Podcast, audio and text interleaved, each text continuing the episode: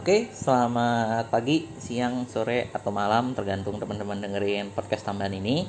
Jadi pada kesempatan hari ini saya akan ngasih sedikit podcast tambahan ngomongin mengenai dua kabinet yang udah dibahas sama teman-teman dalam presentasi kemarin yaitu pertama kita akan ngomongin kabinet Ali Jilid 1, Ali Sastroami Joyo Jilid 1 dan satu lagi itu adalah kabinet Burhanuddin Harahap.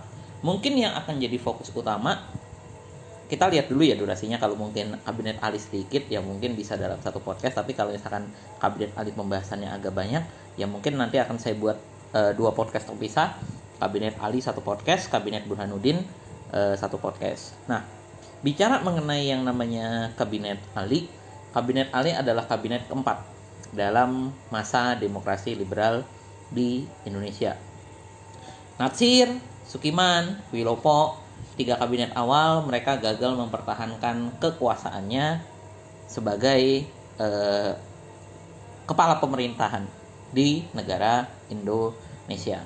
Bagaimana kabinet Natsir gagal karena dianggap tidak fokus dalam hal yang namanya ngurusin masalah Irian Barat dan terlalu terburu-buru menyiapkan pemilihan umum di tingkat daerah Kabinet Sukiman gagal karena Mutual Security Act yang dianggap melanggar konstitusi mengenai politik luar negeri bebas aktif dan Kabinet Wilopo kabinet yang harapannya membawa perubahan total karena itu adalah kabinet Zaken kabinet yang secara jumlah sangat mayoritas isi orang-orang profesional di dalam kabinet Wilopo ternyata gagal juga. Gagal dalam mempertahankan kekuasaannya karena dua permasalahan. Yang pertama adalah adanya peristiwa 17 Oktober 52, peristiwa di mana konflik antara eh, kabinet dengan TNI ya ibaratnya kita anggap kabinet dan TNI ini di masa kabinet Wilopo ini bisa dikatakan bersekutu ya. Karena kan eh, program kabinet yaitu RERA itu didukung sama yang namanya TNI melawan yang namanya parlemen yang berupaya dalam tanda kutip ik, eh, apa ya ikut campur dalam permasalahan di internal TNI khususnya di angkatan darat. Makanya terjadi peristiwa 17 Oktober 52 di mana di peristiwa itu TNI menuntut yang namanya eh, DPR dibubarkan diselenggarakan pemilu secepat-cepatnya kepada Presiden Soekarno. Dan bisa dikatakan ya memang tuntutan itu di 17 Oktober gagal malahan Nasution diskors dan eh, dipaksa mundur dari jabatannya sebagai kepala staf angkatan darat.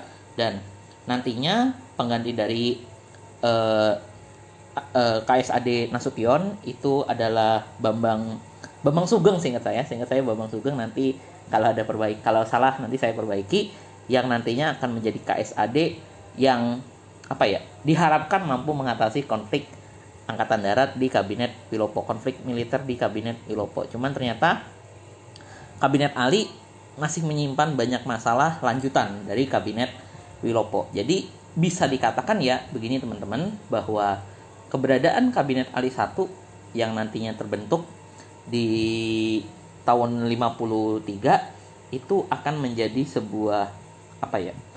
akan menjadi sebuah masa di mana kabinet Ali harus menghadapi masalah-masalah yang diwariskan dari kabinet Wilopo, baik itu masalah politik dalam negeri, masalah ekonomi dan lain sebagainya. Nah, yang pertama-tama yang harus teman-teman pahami bahwa dalam pembentukan kabinet Ali 1 Kabinet Ali 1 ini dalam pembentukannya dia disokong oleh dua partai besar yang sedikit berbeda dengan eh, partai-partai e, penyokong di masa kabinet Nasir, Sukiman ataupun Wilopo. Ketika kita bicara kabinet Nasir, e, supporter atau pendukung utama dari kabinet Nasir itu adalah Masyumi karena di dalam kabinet mayoritas diisi oleh orang-orang Masyumi. Lalu kita ke kabinet Sukiman. Di dalam kabinet Sukiman itu coba diakomodir kekuatan Masyumi dan PNI yang mayoritas di parlemen diisi di dalam kabinet. Gagal juga di kabinet Sukiman. Kabinet Wilopo coba untuk yang namanya masih merangkul PNI dan Masyumi sebagai dua mayoritas di dalam parlemen di dalam kabinetnya, tetapi memang yang ada di dalam kabinet Wilopo itu lebih didominasi oleh anggota-anggota kabinet yang profesional, para administrator yang tidak terikat dari partai politik. Makanya disebut sebagai zaken kabinet. Gagal juga. Nah, di sinilah dalam tanda kutip bisa dikatakan ada semacam tanda tanya. Tanda tanya terkait harus formula apa lagi yang dibuat agar terbentuk sebuah pemerintahan yang kabinetnya itu bisa bertahan lama, kabinetnya bisa menjalankan program-program untuk rakyat dengan baik, pembangunan negara berlangsung dengan lancar, itu adalah harapan utama yang ingin dicari dengan pembentukan kabinet baru, kabinet baru pengganti kabinet Wilopo. Nah, di sini dalam pembentukannya di kabinet Ali 1 memang prosesnya sangat lama. Eh, apa ya? Dari mundurnya kabinet Wilopo ke kabinet Ali 1 sah terbentuk itu jedanya ada 60 hari. Kenapa bisa sampai 60 hari? 58 hari tepatnya hampir dua bulan karena bisa dikatakan negosiasi-negosiasi yang dilakukan antara partai politik itu sangatlah alon. PNI jadi eh, partai yang ditunjuk oleh Soekarno untuk yang namanya mengurusi mengurusi pembentukan kabinet yang baru ini. Nah, di sinilah nantinya PNI dalam mencari partner bisa dibilang ya mereka kebingungan. Posisinya di sini adalah ada Mas Yumi sebagai yang namanya mayoritas. Tapi Mas Yumi ya seperti yang terjadi di masa kabinet Sukiman mereka gagal untuk kerja bareng-bareng. Ada PSI. Nah PSI ini sebenarnya belum pernah ada koalisi PNI dan PSI di dalam eh, kabinet pada masa demokrasi liberal. Cuman upaya ini nggak tercipta karena bisa dikatakan PNI dan PSI ini merupakan dua partai yang mengalami eh mengalami memiliki memiliki dua pandangan ideologi yang agak sedikit berlawanan. PNI dengan nasionalismenya, PSI dengan sosialismenya. Kenapa agak sedikit berla berlawanan? Karena ketika kita bicara yang namanya orientasi pembangunan antara PNI dan PSI, PNI mengedepankan yang namanya pembangunan dengan usaha sendiri, berdikari lah. Karena kan PNI ini nggak lepas dari yang namanya pengaruh politik Presiden Soekarno.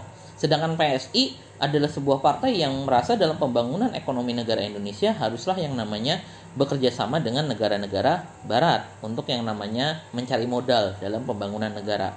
Makanya gagal PNI dan PSI jadi koalisi. Nah, nantinya akan ada satu partai baru yang merupakan pecahan dari Mas Yumi, tapi sebenarnya partai baru ini memang secara politik dia baru nyemplung pertama kali.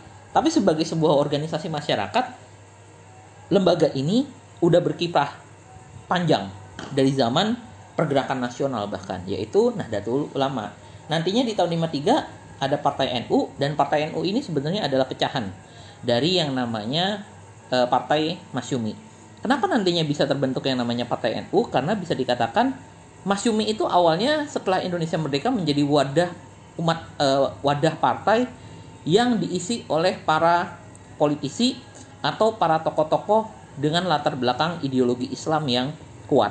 Maka dari itu pada awal pada awal keberadaan Partai Masyumi ini memang e, diisi oleh dua kelompok Islam yang dapat dikatakan mayoritas di Indonesia, yaitu kelompok Islam yang punya pikiran modern yang sudah terpengaruh oleh pendidikan barat.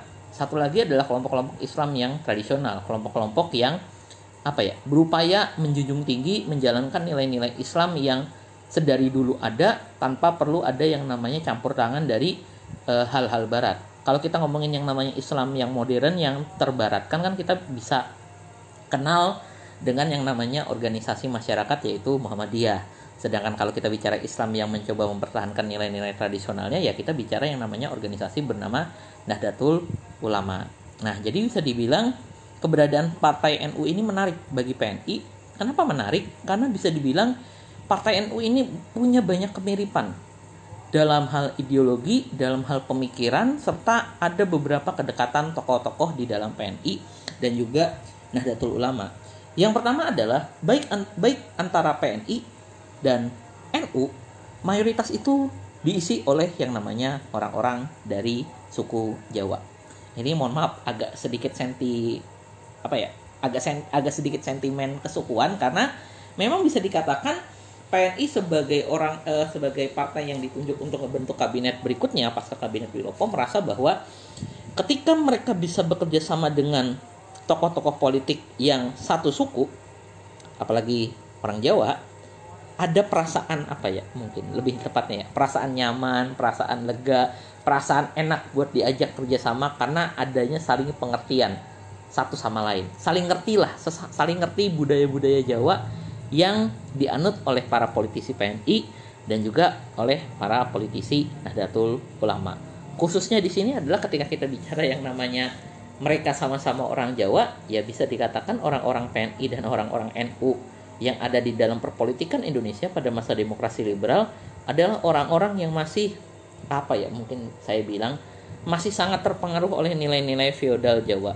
Sehingga mereka ini menjadi orang-orang yang secara karakter karakternya itu sangat konservatif. Mereka tidak menerima ide-ide baru mereka mencoba mempertahankan nilai-nilai lama ide-ide lama.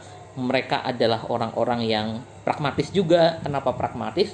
Karena mereka melihat mana yang bisa menguntungkan maka ia akan berpihak di hal itu.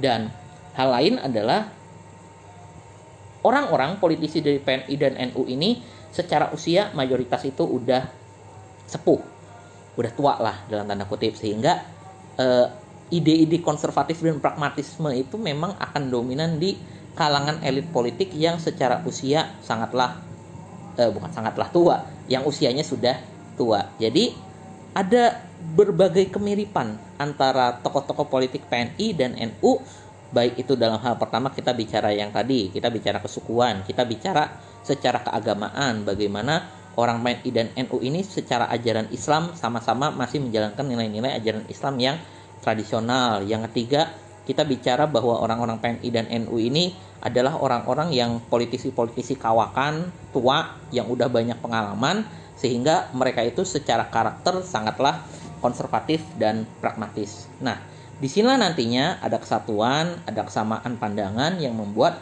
PNI dan NU menjadi partai mayoritas di dalam kabinet Ali 1. Di samping dapat dukungan dari partai-partai kecil dan partai-partai kecil ini rata-rata adalah partai-partai yang progresif. Partai-partai yang sangat apa ya?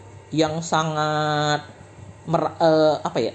Bisa dibilang ini adalah partai-partai yang memang satu aliran dengan PNI, bahkan Eh, partai-partai yang punya kedekatan dengan PKI pun diajak berkoalisi di kabinet Ali 1 sehingga nantinya di akhir tahun 53 kabinet Ali 1 terbentuk dan kabinet Ali 1 ini ya bisa dikatakan sebuah kabinet yang sangat konservatif, sangat pragmatis dalam yang namanya menjalankan program kerjanya.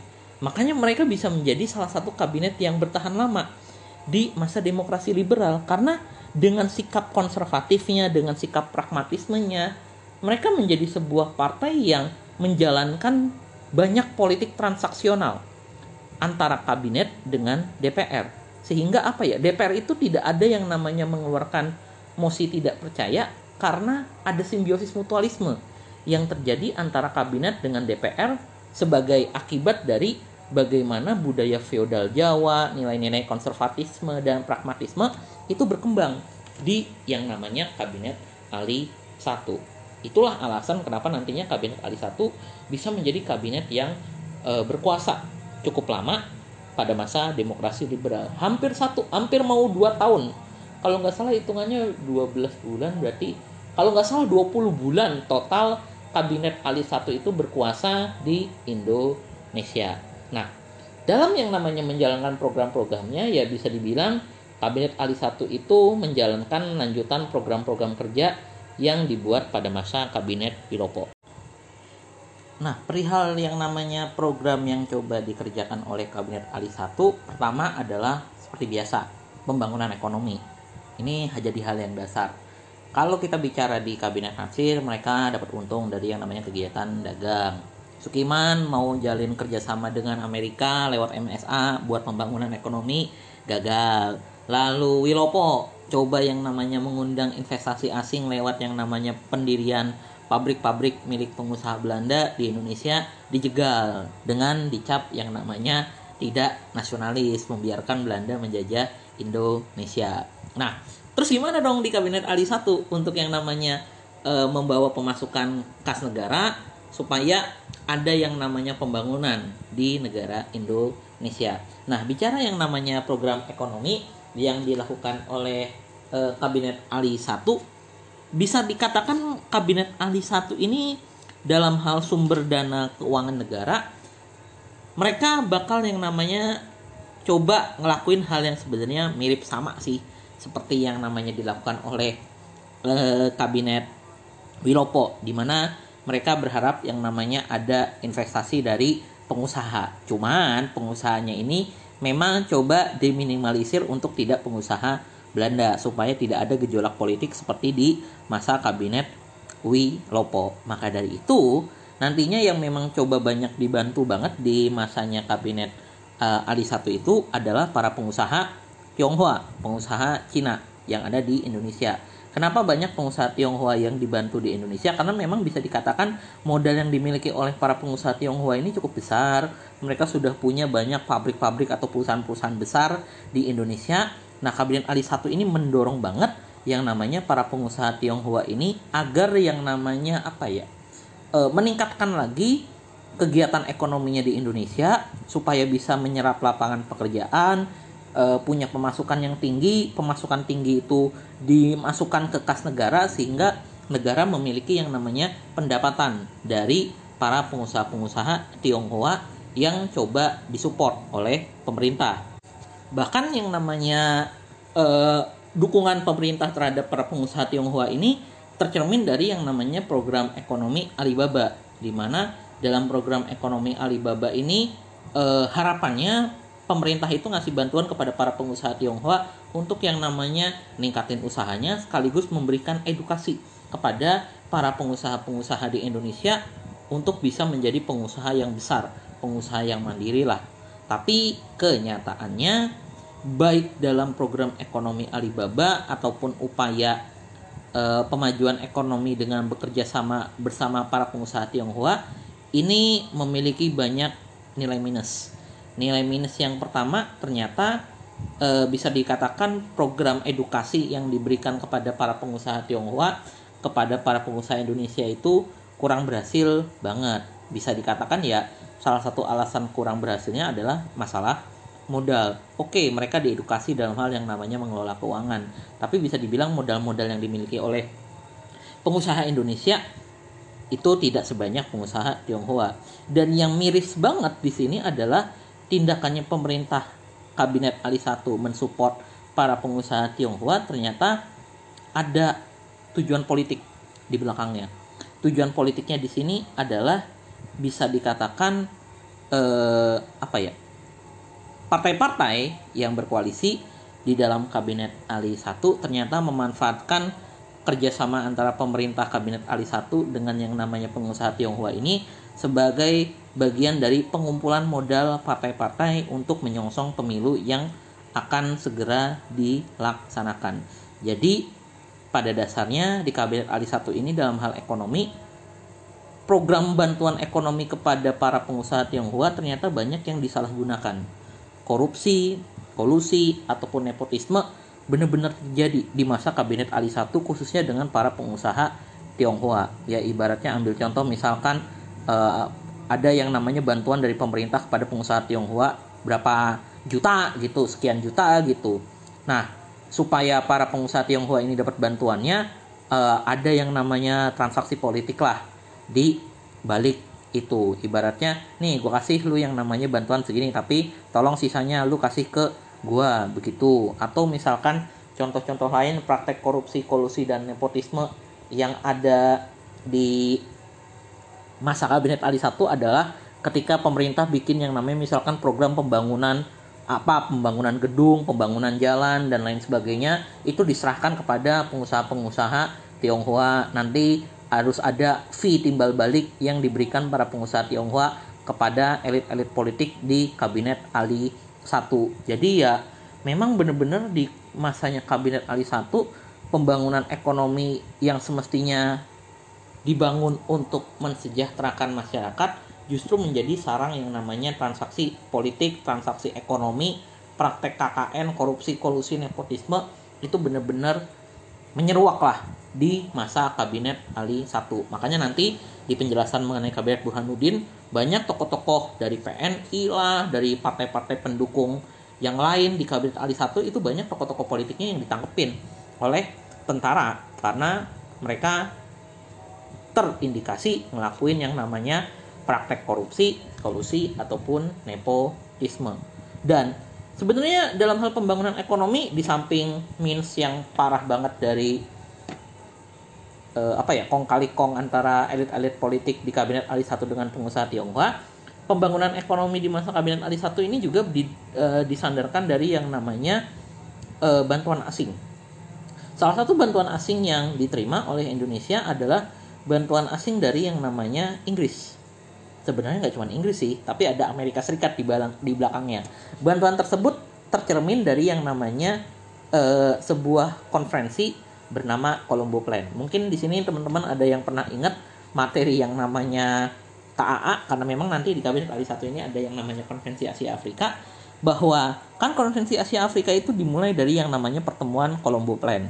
Pertemuan di Sri Lanka antara Indonesia, Sri Lanka, negara-negara merdeka baru di Asia Tenggara. Nah, ini mungkin yang jarang diketahui adalah di pertemuan tersebut, di pertemuan Colombo Plan, uh, perwakilan dari negara Inggris dan Amerika Serikat juga datang di acara Colombo Plan tersebut.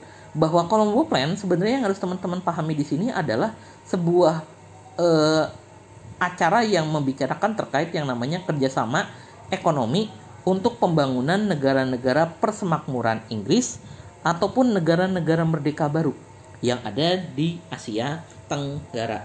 Indonesia, lalu ya Indonesia terus daerah-daerah jajahannya bekas jajahannya Inggris di wilayah Asia Tenggara itu banyak yang hadir di uh, acara Colombo Plan tersebut dan Indonesia bisa dikatakan jadi salah satu negara yang dapat bantuan dari yang namanya pihak Inggris dan tentu teman-teman bakal muncul pertanyaan kok di sini bisa dibilang nggak ada berisik-berisik pak terka uh, seperti yang namanya MSA waktu MSA itu kan kerjasama dengan Amerika langsung rame banget. Nah di sini kok kerjasama dengan Inggris kayaknya adem-adem aja di masa kabinet Ali satu. Nah ada dua alasan sebenarnya kenapa nantinya kerjasama Indonesia dalam hal ekonomi dengan Inggris dan Amerika di masa kabinet Ali satu ini tidak menimbulkan kegaduhan politik. Alasan yang pertama adalah memang Colombo Plan ini fokus utamanya kerjasama dengan negara Inggris.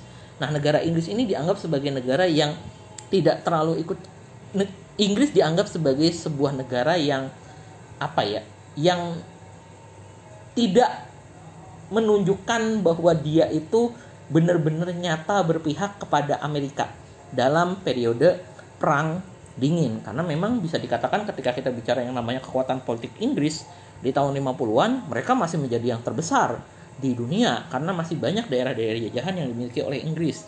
Itu alasan pertama. Alasan kedua kenapa nantinya di parlemen itu nggak ada ribut-ribut, nggak ada berisik-berisik mengenai bagaimana Indonesia dapat bantuan ekonomi dari negara Inggris, ini dikarenakan uh, anggota-anggota DPR sekarang lebih berfokus dalam hal yang namanya mempersiapkan pemilu. Karena memang pasca kabinet Wilopo, uh, ancaman terhadap kedudukan DPR ini makin lama makin menguat. Bahwa TNI udah berani untuk yang namanya ngelawan DPR dan tindakannya TNI yang lawan DPR dari peristiwa 17 Oktober 52 ini kan menyebar di masyarakat bahwa di masyarakat mulai muncul kabar-kabar burung di mana DPR itu diisi oleh orang-orang antek-antek Belanda, DPR itu tidak bekerja untuk rakyat dan lain sebagainya. Alhasil DPR mencoba untuk yang namanya apa ya? E, para partai politik yang ada di dalam DPR ini mencoba untuk yang namanya tidak terlalu ngurusin kebijakan-kebijakan yang dibuat oleh pemerintah.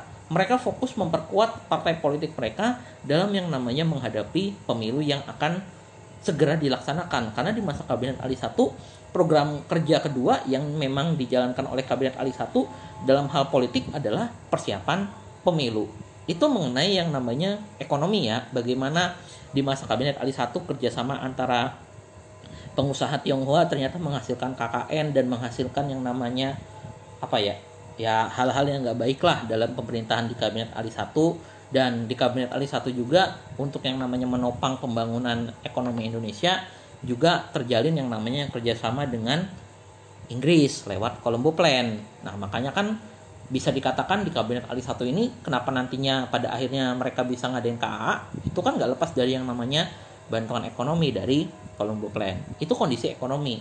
Jadi ya bisa dikatakan ya ekonomi di masa kabinet Ali 1 itu pembangunan buat rakyat nggak terlalu berhasil banget lah lebih ke arah pembangunan di masa kabinet Ali 1 pembangunan ekonominya itu lebih difokuskan untuk yang namanya nanti penyelenggaraan KAA dan Soekarno pun ngedukung tentang penyelenggaraan KA karena ini jadi ajangnya dia untuk menunjukkan kepada dunia bahwa dia adalah salah satu pemimpin besar di dunia serta uangnya itu juga banyak digunakan untuk yang namanya mempersiapkan berbagai macam kebutuhan untuk pemilihan umum. Nah, ini nyambung ke program politik yang coba digerakkan oleh kabinet Ali 1 di mana dalam hal program politik kabinet Ali 1 ini memang eh, kerja keras dalam tanda kutip untuk yang namanya merumuskan kapan diselenggarakan pemilihan umum di Indonesia.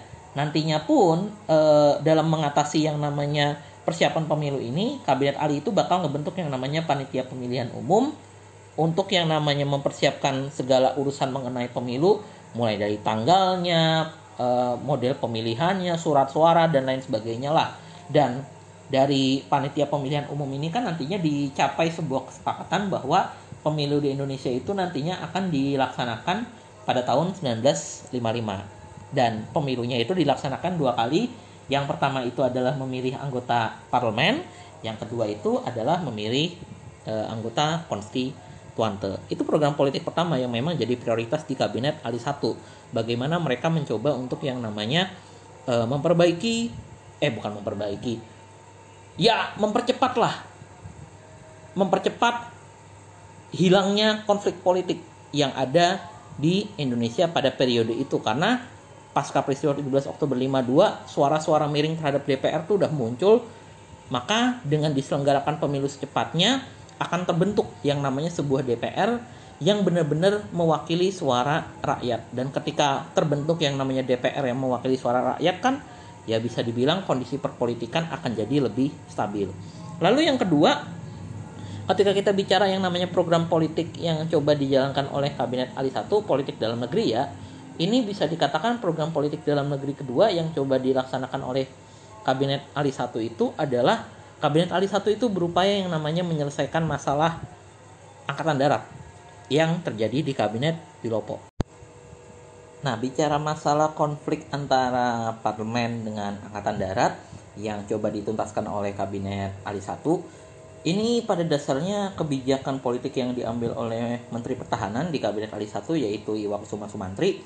Ini mereka berupaya untuk memegang kendali di dalam TNI.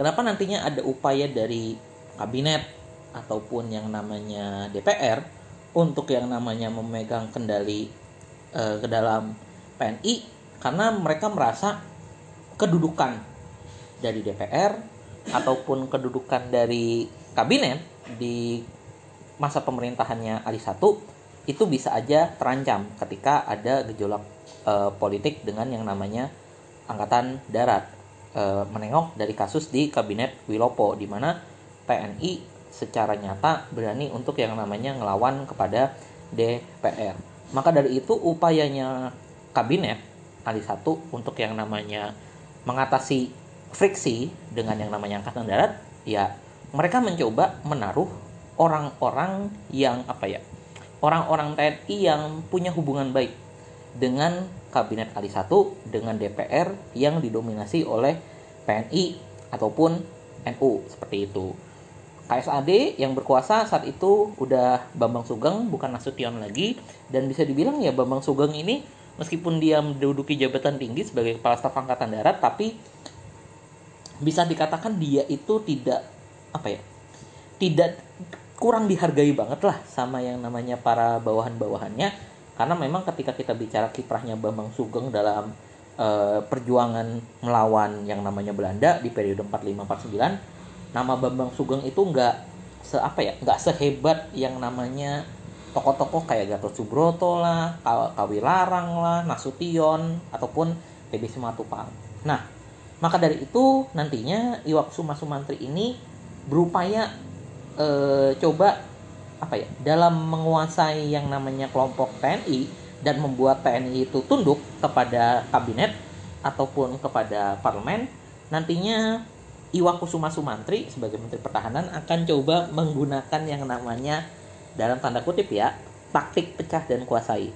Maksudnya taktik pecah dan kuasai ini adalah uh, Iwakusuma Sumantri ini nantinya berupaya untuk yang namanya mengadu domba mengadu domba yang namanya angkatan-angkatan di dalam TNI kan ada angkatan darat, angkatan laut, angkatan udara dan ketika udah diadu domba Iwa bisa naruh pimpinan-pimpinan angkatan darat, angkatan laut ataupun angkatan udara yang dalam tanda kutip pro kepada kabinet ataupun pro kepada DPR. Maka dari itu kan guna menjalankan taktik pecah dan kuasai ini Iwa bakal yang namanya ngapusin jabatan kepala staf angkatan perang yang tadinya dipegang TB Sumatupang atasannya Nasution dan ibaratnya ya dengan tidak adanya kepala staf angkatan perang ya di dalam TNI ya udah ada tiga faksi ada angkatan darat, angkatan laut, angkatan udara. Itu yang coba dilakukan pertama oleh Iwa Kusuma Sumantri. Dan yang kedua, ketika dia udah ngapusin kepala staf angkatan perang, dia coba untuk yang namanya nyusupin orang-orang ya gak nyusupin juga sih lebih tepatnya menaruh orang-orang TNI yang punya kedekatan dengan dia atau dirasa bisa patuh kepada kabinet ataupun parlemen. Nantinya yang dilakukan pertama oleh Iwa Kusuma Sumantri adalah di angkatan darat dengan dia itu e, mengangkat mengangkat yang namanya Kolonel Zulkifli Lubis sebagai wakil kepala staf angkatan darat.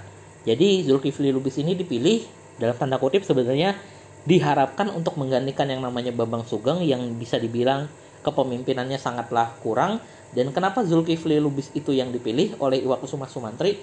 Karena adanya faktor terkait masalah kedekatan dalam hal yang namanya keagamaan.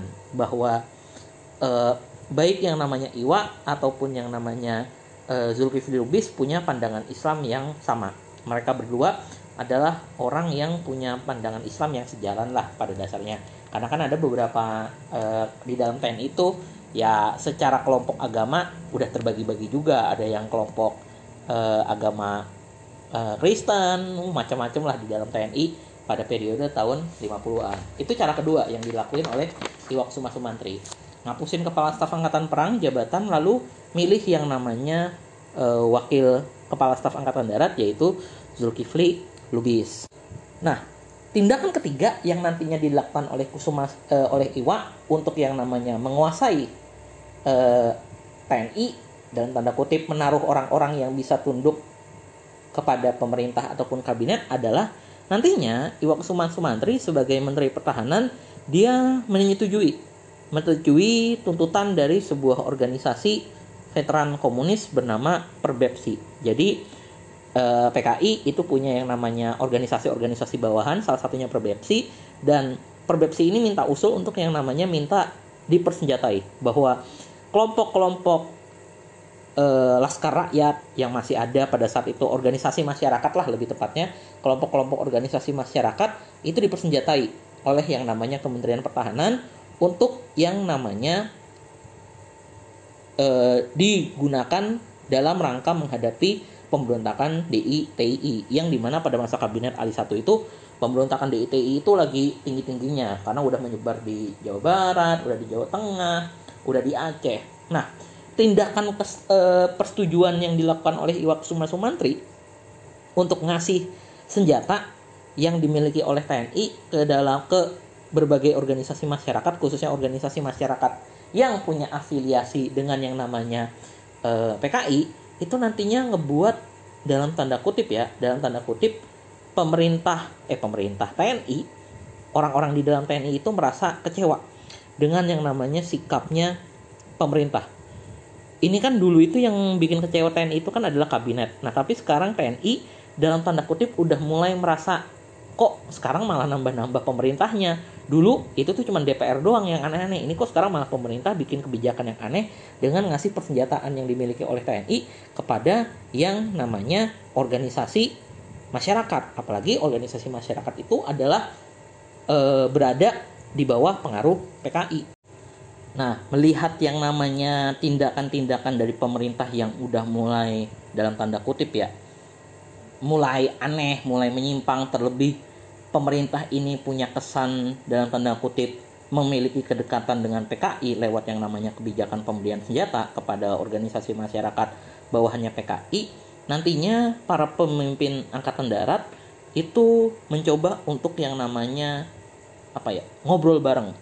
Ngobrol bareng menghilangkan permusuhan yang ada di peristiwa 17 Oktober 1952 karena pada saat ini di masa kabinet Ali 1 mereka sedang dihadapi oleh musuh bersama yaitu upayanya pemerintah untuk yang namanya mempersenjatai organisasi masyarakat di bawah PKI ditambah ya tadi ikut campurnya Iwa Kusuma Sumantri dalam hal penunjukan eh, tokoh-tokoh petinggi di angkatan darat. Makanya nantinya eh, dari bulan Desember 54 sampai bulan Januari 55 tokoh-tokoh TNI baik itu tokoh yang lulusan peta lulusan peta ini adalah yang tokoh-tokoh yang kontra sama peristiwa 17 Oktober lalu yang tokoh-tokoh yang lulusan kenil tokoh-tokoh yang pro terhadap peristiwa 17 Oktober 52 mereka ngilangin permusuhan mereka ngadain pertemuan dari bulan Desember sampai bulan Januari 55 di mana ya pertemuan tersebut pada dasarnya adalah semacam yang namanya konferensi konferensi para perwira tinggi di dalam TNI di mana mereka punya apa ya? Mereka berkumpul untuk menciptakan satu kesamaan pendapat. Satu kesamaan pendapat yang dikenal dengan yang namanya Piagam Yogyakarta. Nah, Piagam Yogyakarta yang disepakati pada tahun 55 itu pada dasarnya adalah berisi mengenai unek-unek ataupun pendapat-pendapat para perwira tinggi TNI mengenai eh, masalah-masalah TNI dalam yang namanya di eh masalah-masalah TNI yang ada di dalam pemerintahan. Mengenai isi dari piagam Yogyakarta tersebut yang ditandatangani oleh para perwira TNI di awal tahun 55, ya pada dasarnya piagam tersebut isinya adalah berbagai apa ya? saran-saran untuk memulihkan kesatuan di dalam angkatan darat. Mulai yang namanya terkait eh, kesamaan dalam hal kedudukan mengenai jabatan dan kepangkatan, lalu persamaan untuk yang namanya memperoleh eh, pendidikan militer, lalu eh, apalagi ya, lalu kita bicara terkait yang namanya eh, mencoba untuk yang namanya menghilangkan, eh bukan menghilangkan ya bahasa halusnya ya, bahasa lebih tepatnya itu adalah untuk yang namanya melupakan, melupakan kasus peristiwa 17 Oktober 52 dan diharapkan para perwira TNI ini bisa bersatu padu untuk yang namanya menjalankan amanah sebagai seorang tentara seperti yang udah dipesankan oleh mantan uh, oleh almarhum Panglima Besar Jenderal Sudirman. Ditambah dalam piagam tersebut juga dibicarakan mengenai yang namanya bahwa para perwira TNI ini untuk yang namanya berjanji agar tidak ikut campur agar tidak ikut campur dalam masalah-masalah partai politik atau mungkin bahasa lebih tepatnya adalah di Piagam Yogyakarta ini diatur jangan sampai TNI itu ada yang menjadi anggota dari yang namanya partai politik. Karena ketika mereka menjadi anggota partai politik takutnya TNI ini akan dicampuri lagi oleh masalah politik. Dan mungkin yang paling penting sebenarnya di Piagam Yogyakarta ini adalah pihak TNI ini minta penjelasan. Penjelasan mengenai batas-batas pengaruh politik terhadap angkatan darat. Maksudnya batas-batas pengaruh politik terhadap angkatan darat ini adalah uh, para perwira tinggi TNI yang menandatangani piagam Yogyakarta itu bertanya kepada pemerintah ataupun DPR ataupun kepada Presiden Soekarno bahwa campur tangannya DPR atau pemerintah ke dalam angkatan darat atau ke dalam TNI itu sampai mana sih? Apakah dalam nunjuk panglima nunjuk wakil itu semuanya harus atas dasar kemauannya uh, pemerintah dalam hal ini kabinet dan DPR tanpa ada yang namanya diskusi dengan TNI atau ada yang namanya sebuah diskusi dengan TNI semisal untuk yang namanya mengangkat uh, sosok misalkan sebagai kepala staf angkatan darat, sebagai panglima TNI dan lain sebagainya. Jadi ya dalam piagam Yogyakarta ini pihak angkatan darat minta kejelasan mengenai sampai mana sih orang-orang DPR sama orang-orang pemerintahan itu boleh yang namanya ikut campur dalam yang namanya kehidupan di ranah TNI. Cuman sayangnya beberapa bulan, beberapa bulan ya, beberapa bulan setelah piagam eh, Yogyakarta, setelah pertemuan antara para perwira tinggi di Yogyakarta, ada satu momen yang dalam tanda kutip ya, satu momen yang mengejutkan. Momen mengejutkannya itu adalah ketika tanggal 2 Mei 55 Bambang Sugeng sebagai Kepala Staf Angkatan Darat minta mundur. Minta mundur sebagai kepala staf angkatan darat. Nah, di sini otomatis dengan mundurnya Bambang Sugeng sebagai kepala staf angkatan darat ada kekosongan di jabatan kepala staf angkatan darat. Nah, tentu kan harus ada pemilihan kepala staf angkatan darat angkatan darat yang dilakukan oleh pemerintah. Nah, para perwira tinggi TNI itu harapannya adalah pemerintah itu sejalan dengan piagam Yogyakarta bahwa kalau misalkan mau yang namanya ada campur tangan politik, ya tolong dikasih tahu, termasuk dalam hal yang namanya pemilihan kepala staf angkatan darat. Apakah kami ini diajak atau yang namanya enggak? Menurut TNI, sedari dulu yang namanya penunjukan kepala staf angkatan darat itu seharusnya selalu dirundingkan karena itu adalah sebagai bagian dari campur tangan politik yang terjadi antara pemerintah dan DPR dengan TNI dan seharusnya itu terjadi lagi ketika e, mencari penggantinya Bambang Sugeng yang mundur di bulan Mei 1955.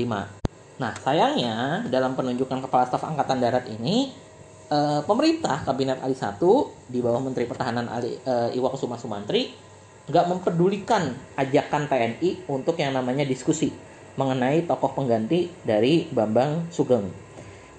Kabinet Ali 1 dengan tindakannya dia, dengan wewenangnya dia, mereka udah nyortir tiga calon kepala staf angkatan darat untuk yang namanya dipilih Presiden Soekarno sebagai kepala staf angkatan darat yang baru.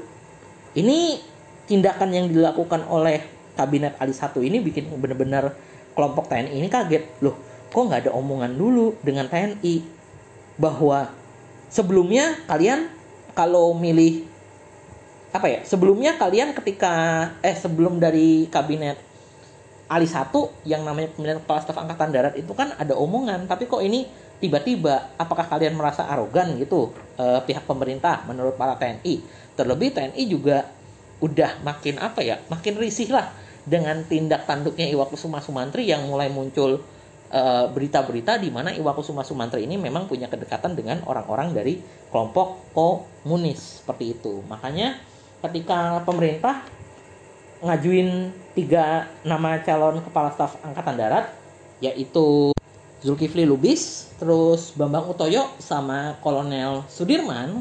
Nah, bisa dibilang tiga calon-calon ini, tiga calon kepala staf angkatan darat ini bagi para perwira tinggi TNI yang lain apa ya? Ada ketidaksetujuan lah karena dalam hal yang namanya penunjukan kepala staf angkatan darat itu ada beberapa kriteria yang harus dipenuhi karena kan dia adalah seorang uh, dia adalah seseorang yang menduduki jabatan tertinggi di angkatan darat. Ya ada pertimbangan-pertimbangan seperti usia, pendidikan dan lain sebagainya. Sedangkan tiga calon yang diusulkan oleh kabinet Ali 1 kepada Presiden Soekarno ini ternyata menurut TNI itu kurang sesuai dengan kriteria yang mereka miliki. Begitu juga dengan Presiden Soekarno sama Wakil Presiden Muhammad Hatta yang sependapat dengan para TNI ya di sini Soekarno dan Hatta khususnya Hatta ya memang punya kedekatan dengan orang-orang TNI karena kan Hatta ini adalah orang yang menggagas kebijakan Rera dan Hatta pun sependap, sependapat dengan yang namanya para perwira tinggi TNI bahwa dalam memilih yang namanya kepala staf angkatan darat harus dipilih secara bibit bebet bobot. Jangan cuma milih atas dasar, oh ini orang tuh punya kedekatan dengan gua sebagai seorang menteri pertahanan. Mending dia aja yang jadi kepala staf angkatan darat supaya dia bisa gua atur-atur sebagai yang namanya menteri pertahanan. Nah, makanya di sini ada perdebatan bahwa siapa yang bakal menjadi kepala staf angkatan darat kayak gitu. Terus pada akhirnya perdebatan-perdebatan ini kan cukup panjang nih dalam milik kepala staf angkatan darat. Soekarno pada akhirnya coba untuk yang namanya setuju dengan yang namanya Sudirman sebagai kepala staf angkatan darat. Tapi Sudirman menolak dalam yang namanya pengangkatan tersebut. Zulkifli Lubis juga sama. Dia nolak eh, pengangkatan sebagai kepala staf angkatan darat. Karena alasan Zulkifli Lubis sangatlah jelas. Dia ingin pemilihan kepala staf angkatan darat ini uh, sesuai dengan yang namanya hasil piagam Yogyakarta tahun 55. Bambang Utoyo awalnya nolak, cuman ketika ditawarin jabatan untuk kedua kalinya setelah Zulkifli Lubis dan uh, Sudirman itu nolak, pada akhirnya ya Bambang Utoyo mau uh, menduduki jabatan sebagai kepala staf angkatan darat. Dan per Juni Bambang Utoyo itu jadi yang namanya kepala staf angkatan darat. Nah, ternyata penunjukan Bambang Utoyo sebagai kepala staf angkatan darat ya tidak dapat persetujuan di kalangan perwira tinggi TNI karena ya secara kedudukan eh, apa ya Bambang Utoyo ini tidak apa ya dia bukan orang yang punya jasa besar dalam perjuangan Indonesia tahun 4549 tingkat pendidikannya juga tidak setinggi perwira-perwira tinggi TNI yang lain dan yang terpenting adalah masalah senioritasnya Bambang Utoyo bisa dibilang masih dianggap terlalu muda untuk yang namanya menjabat sebagai kepala staf angkatan darat kayak begitu. Nah, ibaratnya respon dari TNI ini nantinya bakal sampai ke telinganya Soekarno di mana uh, wakil KSAD yaitu Zulkifli Lubis bilang bahwa orang-orang di angkatan darat bakal yang namanya ngeboikot pelantikan Bambang Utoyo karena ya mereka nggak setuju dengan calon-calon yang diajukan oleh uh, kabinet bahwa mereka pengen yang namanya pemilihan calon-calon kepala staf angkatan darat itu dirundingkan bersama antara TNI dengan yang namanya kabinet. Nah, pemboikotan ini ya pada akhirnya nanti akan berujung kepada peristiwa yang namanya peristiwa 27 Juni 1955 di mana uh, setelah Bambang Utoyo uh, dipilih sebagai kepala staf angkatan darat dia kan nggak langsung dilantik. Nah, kenapa nggak langsung dilantik kan karena ya tadi penolakan dari TNI. Cuman karena perlunya sebuah uh, legalitas dalam pendudukan jabatan sebagai kepala staf angkatan darat 27 Juni 55 secara resmi pemerintah coba ngadain yang namanya pelantikan kepada Bambang Utoyo. Sayangnya dalam dalam upacara pelantikan yang uh, dilakukan kepada Bambang Utoyo banyak orang-orang TNI Angkatan Darat yang ngeboikot acara tersebut. Khususnya adalah orang-orang yang memang udah dikoordinir oleh perwira-perwira tinggi TNI termasuk Zulkifli Lubis yang merupakan wakilnya. Dan bahkan nantinya di samping banyak TNI yang tidak hadir dalam pelantikan tersebut ya acaranya benar-benar jadi acara yang sederhana. Mestinya kan pelantikan kepala staf angkatan darat itu berlangsung dengan meriah. Cuman dengan pelantikannya berlangsung dengan seadanya dan bahkan kan dalam yang namanya eh, pelantikan kepala staf angkatan darat itu perlu ada yang namanya penyerahan jabatan. Nah Zulkifli Lubis sebagai wakil nolak buat yang namanya nyerahin jabatan.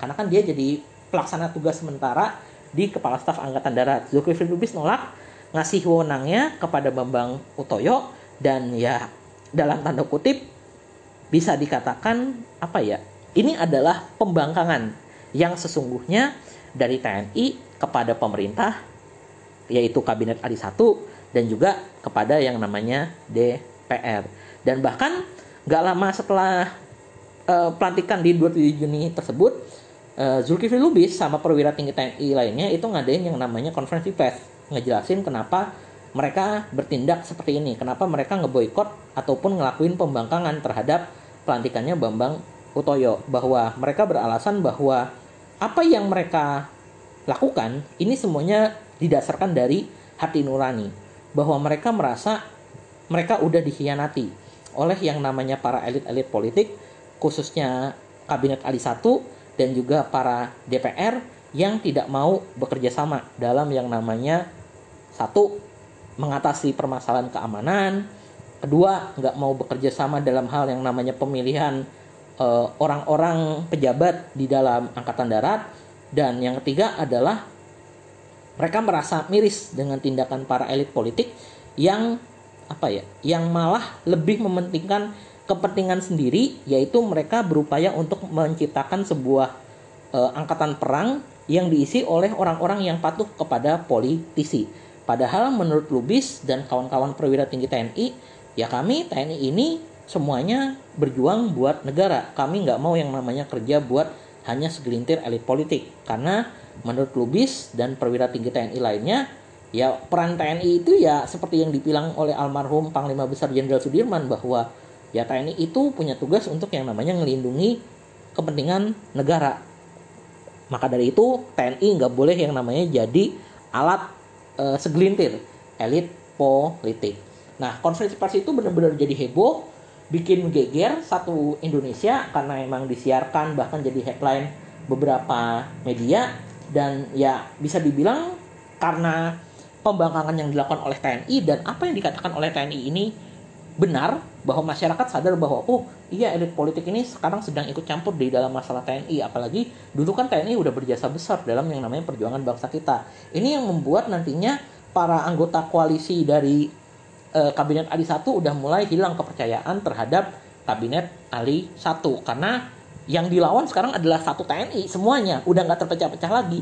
Mereka bersatu menolak yang namanya intervensi dari kabinet Ali 1 ataupun yang namanya DPR makanya nggak lama dari konferensi pers Zulkifli Lubis dengan para perwira tinggi TNI mengenai pemboikotan 27 Juni 55 ya perlahan-lahan anggota-anggota kabinet di dalam Ali 1 itu mundur mulai dari NU, mulai dari Parindra dan lain sebagainya ini yang nantinya akan membuat menjadi salah satu penyebab kenapa nantinya kabinet Ali 1 itu bubar. Bahwa tidak ada lagi dukungan dari elit politik di mana elit politik pada mundur.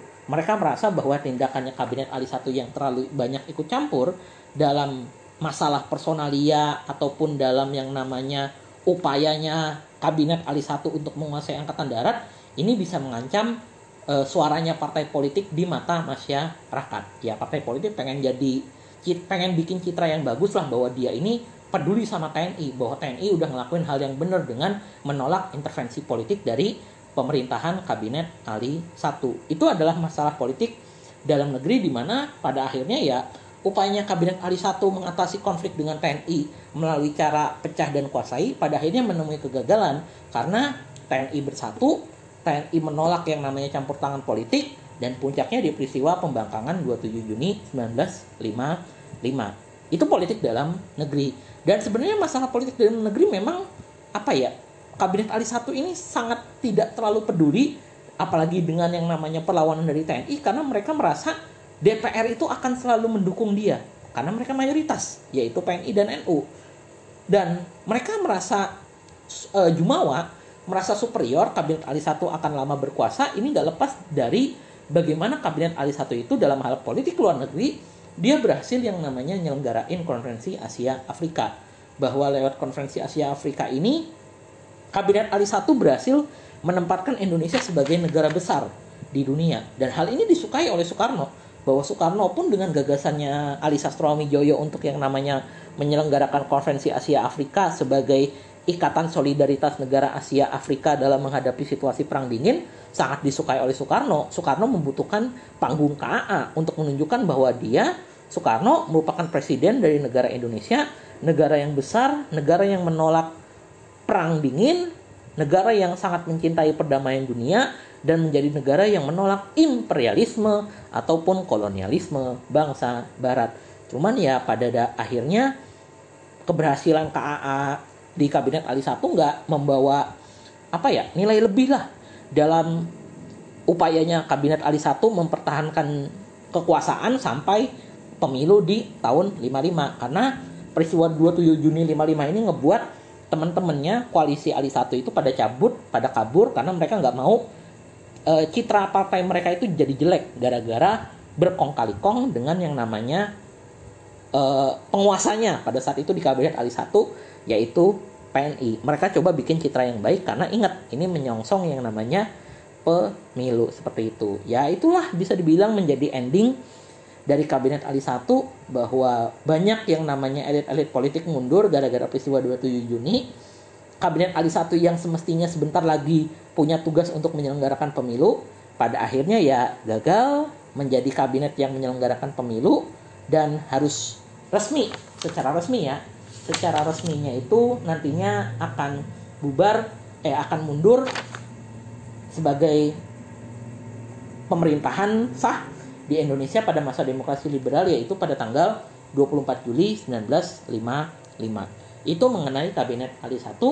Mungkin itu dulu satu podcast nanti kabinet Burhanuddin Harahap karena singkat akan saya bikin di podcast terpisah. Eh, selamat pagi, siang, sore, malam tergantung teman-teman mendengarkan. Terima kasih.